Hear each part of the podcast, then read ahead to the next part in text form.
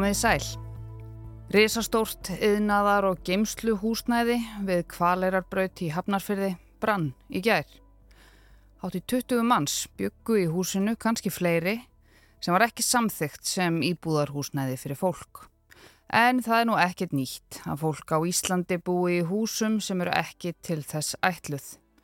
Starfandi slökkvilistjóri á höfuborgarsvæðinu sagði þetta í morgun. Kemur upp þarna eldur og það er umhugsunavert hvernig sko hann er þegar við komum fyrst í bíl okkar kemur á staðin að hann er svona fyrir miðju húsins og bara alveg rosalega mikill. Mm. Þannig að okkar möguleika strax í uppæfi voru engir. Slökkustarf gekk ekki vel en það eldvarnir ekki góðar. Tjónið er mikið þó að sem betur fyrr hafi engin brunnið inni það hefði auðveldlega geta farið svo. Fyrir rúmu ári síðan kom út skýrsla um fólk sem býr í atvinnuhúsnæði á Íslandi. Það var húsnæðis og mannverkjastofnun, slökkuleiðið og ASI sem gerðu skýsluna eftir mikið ákall og umræðu í samfélaginu. Ég heiti Sunna Valgerðardóttir og hef umsjón með fréttaskýringa þættinum þetta helst sem fjallar í dag um eld, íbúðir og mismannleg hús.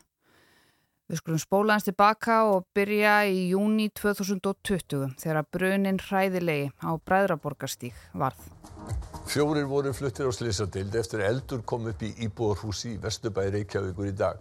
Mikill reykur var í húsinu og þurftu íbúar að kasta sér út um glugga á efri hæðum húsins til þess að forðast eldin. Þrjú fórust í brunanum, tvö vegna koloxid eitrunar og einn þegar hún stökk eða fjall niður af þriðju hæð húsins þegar engar útgönguleiðir voru færar. Aðal vandamáli sem hefur verið hjá okkur í dag er efsta hæð húsins. Þar hafi búið sex eh, einstaklingar. Karlmaður á sjötugsaldri hefur verið úrskurðaður í vikulangt gæsluvarðhald grunaður um að hafa verið valdur á því að eldur kviknaði íbúðarhúsi í Vesturbæ Reykjavíkur í gær. Eh, erfiður vettvangur blasti við viðbrasaðalum en alltaf fimm einstaklingar sáust á efstu hæð húsins og virtust ekki geta komist út með eðlilegum hætti. Eh, tveir þeirra brugðu á það ráða stökkvar frá gluggum á þriðu hæð. Einum var bjargað með stiga sem var reistur af húsið en ekki var hægt að segja með óegjandi hætti um aftrið hinn að tvekja. Slökkvistarf tók talsverðan tíma enda vettvangurinn ótryggur en á sjönda og nýjunda tímanum í gerðkvöldi fundu slökkvilsmenn þess að tvo einstaklinga látna á þriðju hæð húsins. Eh, Laurugla hefur raukstutan grunum að eldurinn hafi kveiknað að mannavöldum. Marek Mosinski sem var ákjærður fyrir þrjú mandráp og tíu mandrápstilrunni með því að kveikja í húsi á Bræðraborgarstígi í Reykjavík í fyrrasumar var í dag síknaður af kröfum refsingu. Hann var metinn ósakhæfur og verður vistaður á öryggiskeðdvild. Saksóknari krafist þess að Marek fengi ævi langan fangilsistóm og til varaðan skildi vistaður á öryggiskeðdvild og var það niðurstaðan en geðlættan voru samála um hann hefði verið geðrós ástandi. 17 manns kröðust bóta í málinu og þarf Marek að greiða á þriðja tök miljóna í bætur. Húsnæðis og mannverkjastofnun rannsakaði brunan og var í kjölfarið falið af félags- og barnamálaráþura að vinna að tillögum til úrbóta á brunavörnum í húsnæði þar sem fólk býr og það var unnið í samstarfi við allskynns hagsmuna aðila. Og í þessari skýslu sem ég vitnaði áðan til er fjallað um niðurstöður kortlagningar á fjölda þeirra einstaklingar sem búa í atvinnuhúsnæði á höfuborgarsvæðinu á samt ástandi brunavarna í viðkomandi húsnæði og félagslegum aðstæðum íbúa. Nú ætlum ég að grýpa aðeins niður í þessa skýrslu, ég ætla að lefa mér að stikla á stóru, þetta er laung skýrsla, hún er 22 blaðsíður og ég ætla ekki að lesa þær allar. En ég ætla samt að byrja á byrjuninni.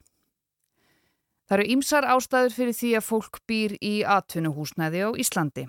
Skortur á viðunandi húsnæði og viðræðanlegu verði, hvort sem er til eignar eða leigu, kann að valda því að óhefðbundin búsitu formuru valin Auk þess sem búsetta í atvinnuhúsnæði kann að vera eðlileg þróun og í raun val þar sem ákveðin hverfi eru í umbreytingarferli.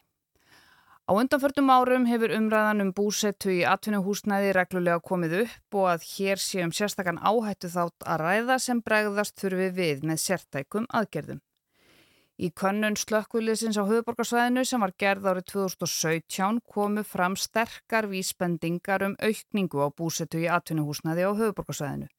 Þá var fjöldi staðfestra óleifis íbúða í atvinnuhúsnaði alls 309 og var áætlað að í kringum 3500 til 4000 einstaklingar væru búsettir í slíku húsnaði. En sakvætskíslunni er nú áætlað að um 2000 manns búi í 204 heimilisföngum sem eru skilgreynd sem atvinnuhúsnaði á höfuborgarsvæðinu. Og þetta er byggt á talningu slökkuliðsin sem var metin eftir samtal við 933 íbúa sem gerir um helming þeirra sem áætlað er að búi í atvinnuhúsnaði. Þessari kortlagningu henni lauki fyrra og framkemur í skíslunni að tölunabendi til þessa íbúum í atvinnuhúsnaði hafi fækkað. Eins og heyrðist áðan þá voru þeir taldir um fjögur þúsund sem voru búsettir í slíku húsnæði árið 2017 á höfuborgarsvæðinu. En svo er það brunavarnirnar. Brunavarnir í atvinnuhúsnæði þar sem fólk býr eru þó í betra ásökkomulagi en skíslu höfundar byggust við. En það er talið að um helmingur þessa fólks, um þúsund manns, búi í húsnæði þar sem brunavarnir eru sagðar ásættanlegar. En það þýðir þó líka að um þúsund manns búi á stöðum þar sem þær eru það ekki. Um 25% íbúana, fjórðungur, um 500 manns af þessum 2000 eru Íslandingar en um 1500 þá útlendingar. Talið er að fólki velji að búa í atvinnuhúsnaði vegna lægri leigu en alla jafna en segja flestir að um tímabundið úrræði sé að ræða. Flest sögust hafa fundið húsnaði sjálf en í einhverjum tilveikum fyldið að starfinu sem þau voru að sinna. Þá vakti það sérstakka aðtikli skísluhöfunda að um 85% íbúana voru með vinnu. Þessum fjölda þessum 2000 manns er svo skipt niður í sveitarfélög. Tæpur helmingur býr í atvinnuhúsnaði í Reykjavík, fjórðungur í Hafnafyrði, tæp 20% í Kópavogi, 5% í Garðabæ, svo kemur Mólsfersbær og Loks Seltjarnanes og þið síðast nefnda slefar upp í 0,7% af heildarfjöldanum. En hlutfullin eru þó ekki þau sömu þegar litið er til hlutfalls íbúa sveitarfélaga sem búa í atvinnuhúsnaði. Þá er Hafnafjörður á toppnum með 1,6%. Sem sé, 1,6% af íbúum Hafnafjörðar búa í atvinnuhúsnaði. Svo er Kópavór með 1,2% og Reykjavík með 0,7%. Og það var einmitt Hafnafjörðurinn sem brann í gær. Mannbjörg varði í eldsvoða í yðnarhúsnaði í Hafnarfyrði skömmu eftir hátíi. Mikill eldsmatur var í húsinu og þar logar enn. Markir voru í húsinu þegar eldurinn kveiknaðum hátegi spil en talið er að allir hafa náðu að koma sér út. Sumir af sjálfstóðum en aðri fengu hjálp. Guðrún Gerður Guðbjörnsdóttir ruttist inn í húsið til að láta dóttur sína sem býr þar vita að það veri kveiknað í. Það er svona stíi hérna að húsinu. Ég hleyp upp á stegan og hopp upp á þakkið og hleypa að gluggunum þar sem að dóttir mín býr og lem á gluggan og heyrði ekki neitt. Þannig að ég náði að rýfa upp gluggan og öskráði að fara út að vera kveikn í. Já, og svo bara, já, náðu þau að fara út. Fólkinu tókst að komast út en Gerður segir ekki að við tekist að bjerga öllum gælutýrónum. Það voru, það var hundur og, og þrýr kettir og þau náðu einum, kís, ein, einum ketti út og hundinum en það eru tveir kettir inni sem að vonandi er í lægi með. Slakkurísfólkið fór ekki heim til sín fyrir en klukkan fjögur í morgun. Staðfesti er að 17 manns voru skráð til heimilis við kvalerabrautina sem er nú lítið annað en brunarústir. Birgir Finnsson, starfandi slökkulistjóri á höfuborgarsæðinu, kom í morgun útvarpið á Rástvö í morgun til þess að fara yfir þetta allt saman og eins og með skýsluna þá ætlum ég bara að spila smá búta því viðtalið er lengra en þátturinn minn. Það hefur náttúrulega ekki verið markmiði núna mörg ári raunum veru að, að, að, að allir sem að séu í atvinnuhúsnaði fari út úr því. Þannig að það hefur náttúrulega bara verið þannig þróunin að fólki hefur vantað húsnaði þannig að markmið hefur ekki verið að koma öllu þessu fólki út heldur að reyna að gera þannig að lög og reglur séu þannig að þetta sé heimilt og það verði auðveldara að í raun og veru sko tryggja öryggi þessara fólks.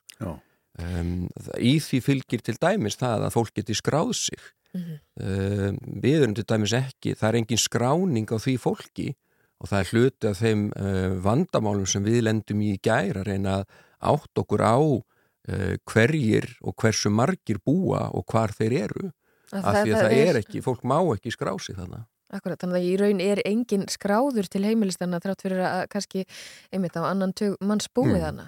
Já, það er engin skráður mm. og löglegan máta. Nei, en, en bara í ár þá hafa hvað fjórir brunar í já, húsnæði af þessum tókað. Fimm voru flutt á slísadeild eftir að eldur kviknaði í áfangaheimili í vatnagörðum í Reykjavík í morgun.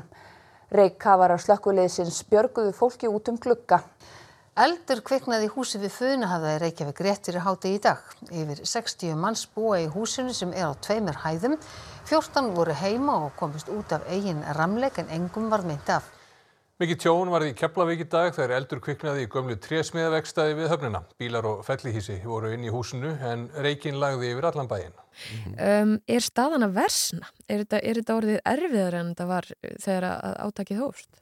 Já, ég held náttúrulega bara, ég meina, ég held að þetta fylgir bara þenslu. Það vantar fólk í vinnu og það vantar mikið húsnæði og nú aldrei orðið, minna, það er náttúrulega bara verið umræða um húsnæðis skort um, og þá fylgir það bara því að fólk finnur sér staði til þess að búa á.